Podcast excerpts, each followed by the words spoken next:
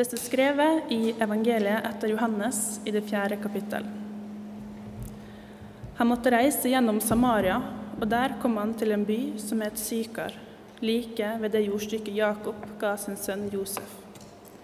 Der var Jakobskilden.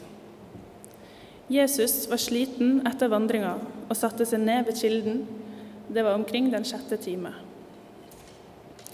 Da kommer en samaritansk kvinne for å hente vann. Jesus sier til henne, 'La meg få drikke.' Disiplene hans var nå gått inn i byen for å kjøpe mat. Hun sier, 'Hvordan kan du, som er jøde, be meg, ei samaritansk kvinne, om å få drikke?' For jødene omgås ikke samaritanerne.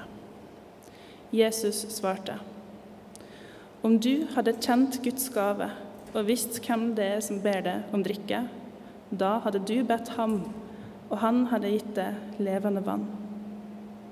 Herre, sa kvinnen, du har ikke noe å dra opp vann med, og brønna er dyp. Hvor får du da det levende vannet fra? Du er vel ikke større enn vår stamfar Jakob? Han ga oss brønna, og både han sjøl, sønnene hans og buskapen drakk av den. Jesus svarte. Den som drikker av dette vannet, blir tørst igjen. Men den som drikker av det vannet jeg vil gi, skal aldri mer tørste. For det vannet jeg vil gi, blir i ham en kilde med vann som veller fram og gir evig liv. Kvinna sier til han, Herre, gi meg dette vannet, så jeg ikke blir tørst igjen, og slipper å gå hit og hente opp vann. Da sa Jesus til henne, Gå og hent mannen din, og kom så hit. Jeg har ingen mann, svarte kvinna. Du har rett når du sier at du ikke har noen mann, sa Jesus. For du har hatt fem menn, og han du har nå, han er ikke din mann. Det du sier, er sant. Herre, jeg ser at du er en profet, sa kvinnen. Våre fedre tilba Gud på dette fjellet, men dere sier at Jerusalem er stedet der en skal tilbe. Jesus sier til henne, Tro meg, kvinne, den time, den time kommer da det verken er på dette fjellet eller i Jerusalem dere skal tilbe Far. Dere tilber det dere ikke kjenner, men vi tilber det vi kjenner, for frelsen kommer fra jødene. Men den time kommer, ja, den er nå, da de sanne tilbederne skal tilbe Far i ånd og sannhet. For slike tilbedere vil Far ha. Gud er ånd, og den som tilber ham, må tilbe ånd og sannhet. Jeg vet at Messias kommer, sier kvinna. Messias er det samme som Kristus. Og når han kommer, skal han fortelle oss alt. Jesus sier til henne, det er jeg, jeg som snakker med deg. Slik lyder det hellige evangelium. Har du noen gang vært på ferie et sted der det er skikkelig varmt? Da har du kanskje gjort den tabben det er å forsøke å gå et sted midt på dagen. Når solen steiker. Fordi du skulle få mest mulig ut av dagen. Se spansketrappen eller kjøpe is skyldig. Og fort forstått at det var en veldig dårlig plan. Det nærmeste jeg har vært å pådra meg heteslag noen gang i hele mitt liv, det var i Roma i juli. Jeg gjør ikke det igjen, for å si det sånn.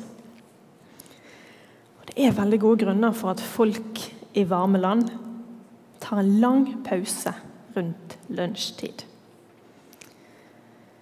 For ingen som bor et sånt sted, bestemmer seg for å gå noe sted klokken tolv. Det er det bare turister fra Norge som gjør.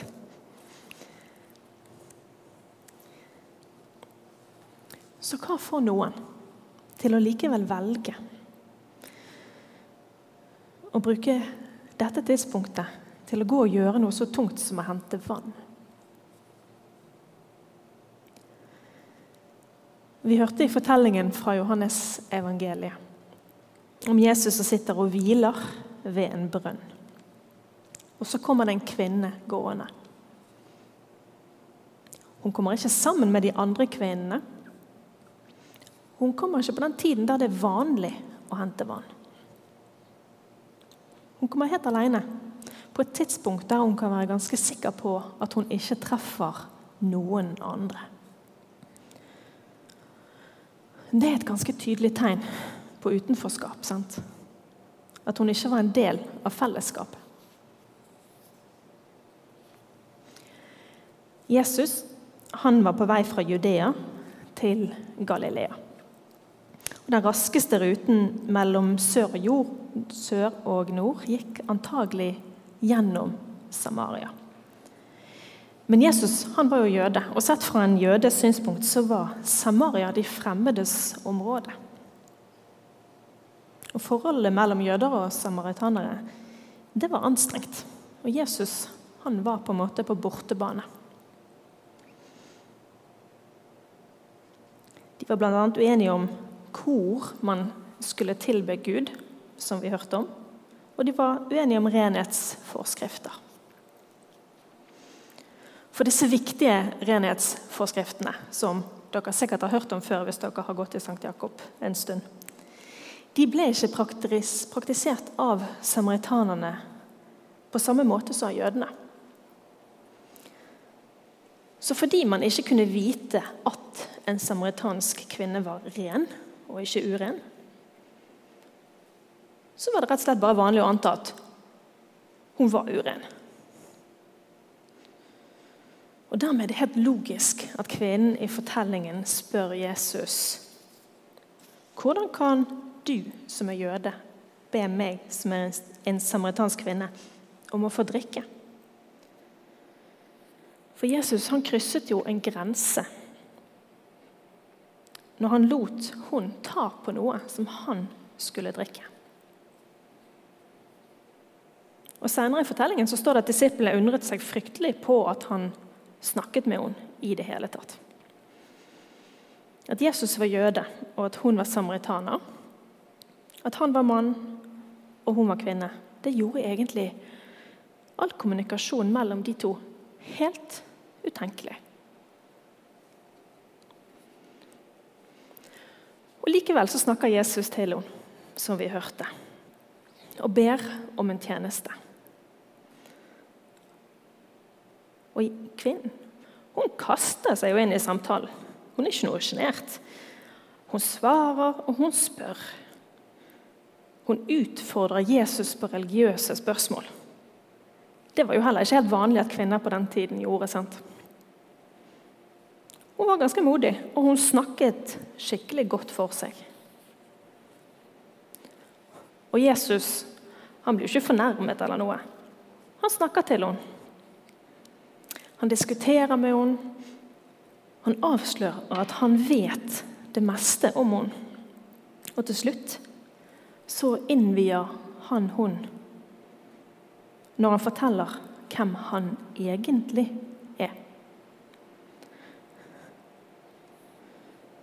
Det hele var ganske uvanlig og ganske uhørt. Og det var nok kvinnen absolutt klar over. Hun var blitt sett av Jesus, akkurat sånn som livet hennes faktisk var. Og på tross av all hennes opplevelse av å ikke være god nok for fellesskapet, måtte holde seg unna de andre, så viste det seg at hun var jo akseptert likevel. Ikke perfekt, men god nok. Hun blir ikke flau av at Jesus vet om de vanskelige tingene i livet hennes. Sånn som vi kanskje skulle trodd. Nei, hun blir kjempebegeistret. Så begeistret at hun etterpå drar inn til byen og sier til folk Kom, kom og se en mann som har fortalt meg alt jeg har gjort.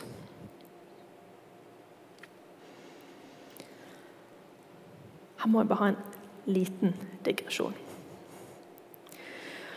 Jeg har helt bevisst unngått å si at kvinnen i denne fortellingen er spesielt syndig eller umoralsk. eller at hun er blitt avslørt på sin veldig dårlige livsførsel av Jesus.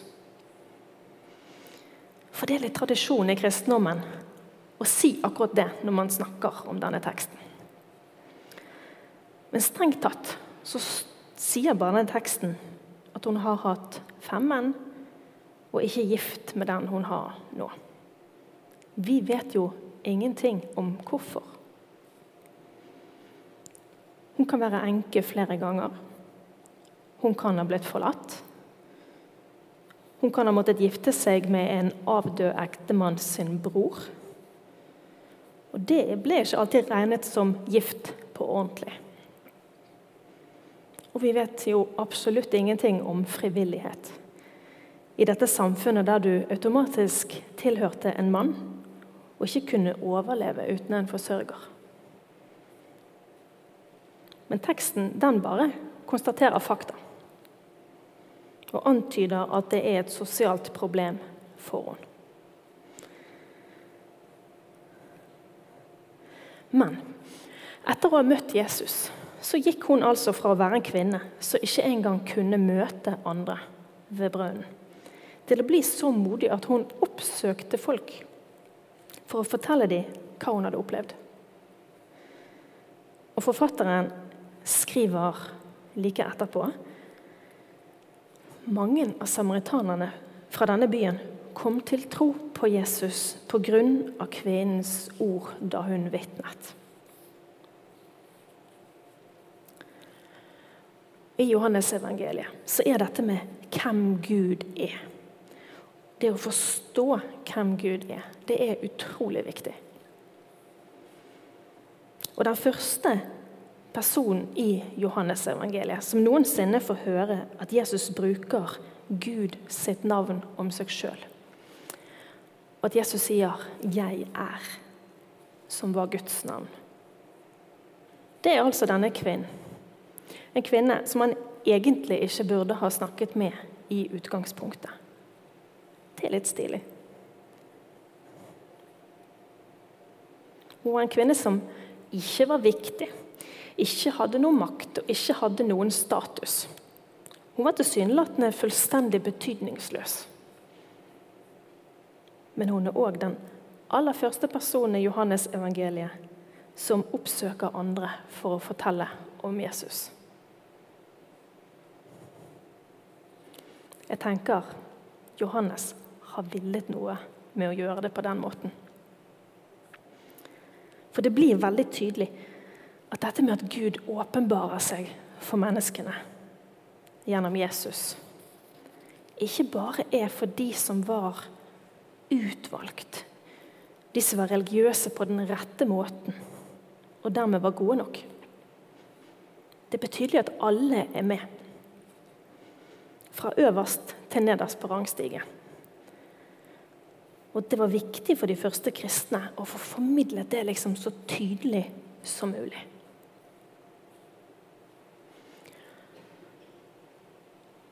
Men når alt det er sagt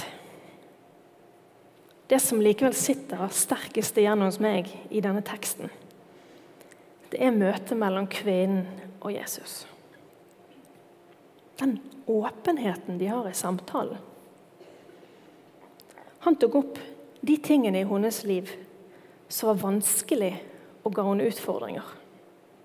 Uten at det skapte noen avstand mellom dem. Det var faktisk ikke et problem at hun ikke tilhørte rett folkegruppe, rett kjønn eller rett sosialt lag. Hun fikk vite hvem Jesus var og hun fortalte det videre. Det han kunne gi, det kunne hun også få.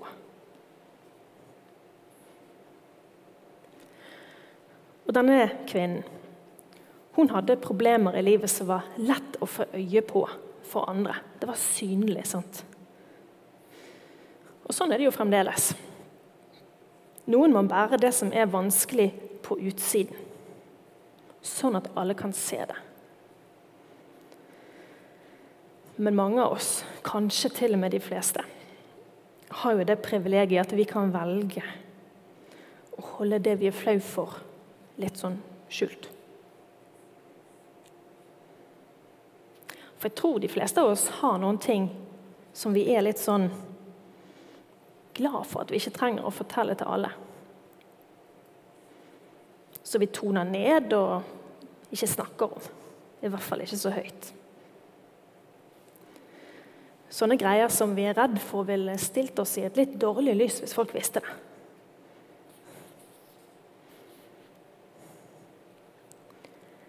Og det er jo utrolig mye forskjellig vi kan føle oss flau for. Som vi kanskje skulle ønske var annerledes. Og jeg kan prøve meg på noen eksempler. og Det er ikke sikkert de treffer deg. Kanskje du har noen andre. Men hvis f.eks. man ikke er så opptatt av innerst inne. Hvordan andre har det. Hvis man kjenner seg litt selvsentrert. Det sier vi ikke høyt. Eller hvis man kanskje tenker litt for mye på utseendet, mer enn man vil innrømme, så føler man seg kanskje litt overfladisk. Eller hvis man har litt dårlig selvfølelse, og så vet man at det er kanskje ikke noen grunn til det, men man har det likevel. Så er det litt flaut.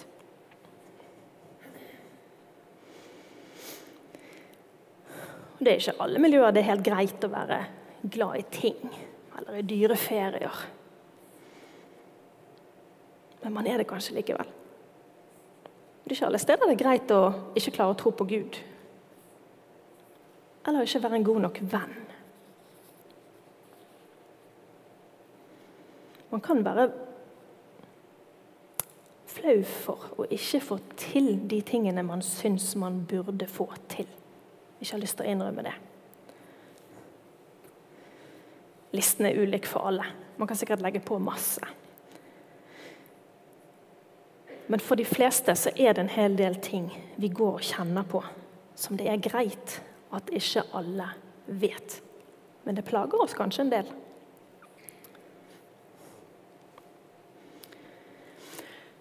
Hvis du ser for deg brønnen Tenk at du sitter der ved siden av Jesus i varmen. Og Så tenker du på noe som gir deg ubehag, at du ikke fikser i livet.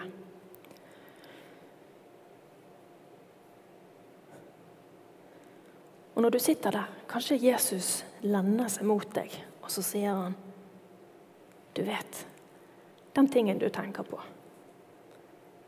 så får deg til å føle at du ikke er så bra som du burde være. Den tingen jeg er ikke så opptatt av det, jeg. Skal vi snakke om noe som er viktigere? Hadde ikke det vært litt deilig hvis han sa det? Bli sett som du er, og likt uansett. Jeg tenker Det er jo det vi trenger. Det er jo det vi egentlig alle ønsker oss i bunn og grunn. Bli sett sånn som vi er, og elsket uansett.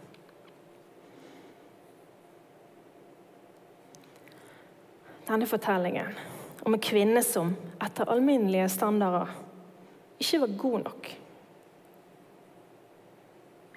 kan på en måte parkere dette med god nok som er ikke relevant. Det er akkurat som evangelisten ber oss om å slutte å tenke sånn. Ikke bry dere om det. Det er ikke det som er viktig. Det blir så tydelig at Gud møter deg. Ikke en annen og bedre deg, men deg. Med feil og med mangler, sånn som du er. Og Gud kan bruke deg sånn som du er. Du trenger ikke bli bedre først. Og på samme måte som denne kvinnen som levde for lenge siden, og som vi ikke kjenner navnet til, så er du òg med i den store fortellingen om Gud og oss mennesker. Fortellingen om at Gud blir synlig i Jesus og gir oss liv, sånn som Johannes snakker om. Og vi kan alle sammen få de samme tingene uavhengig av hvem vi er,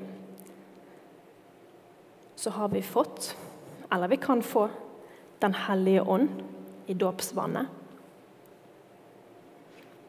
Og hver gang vi kommer hit til kirken, så får vi tilgivelse, ord. Vi får brød og vin, og vi får velsignelse, og vi får fred.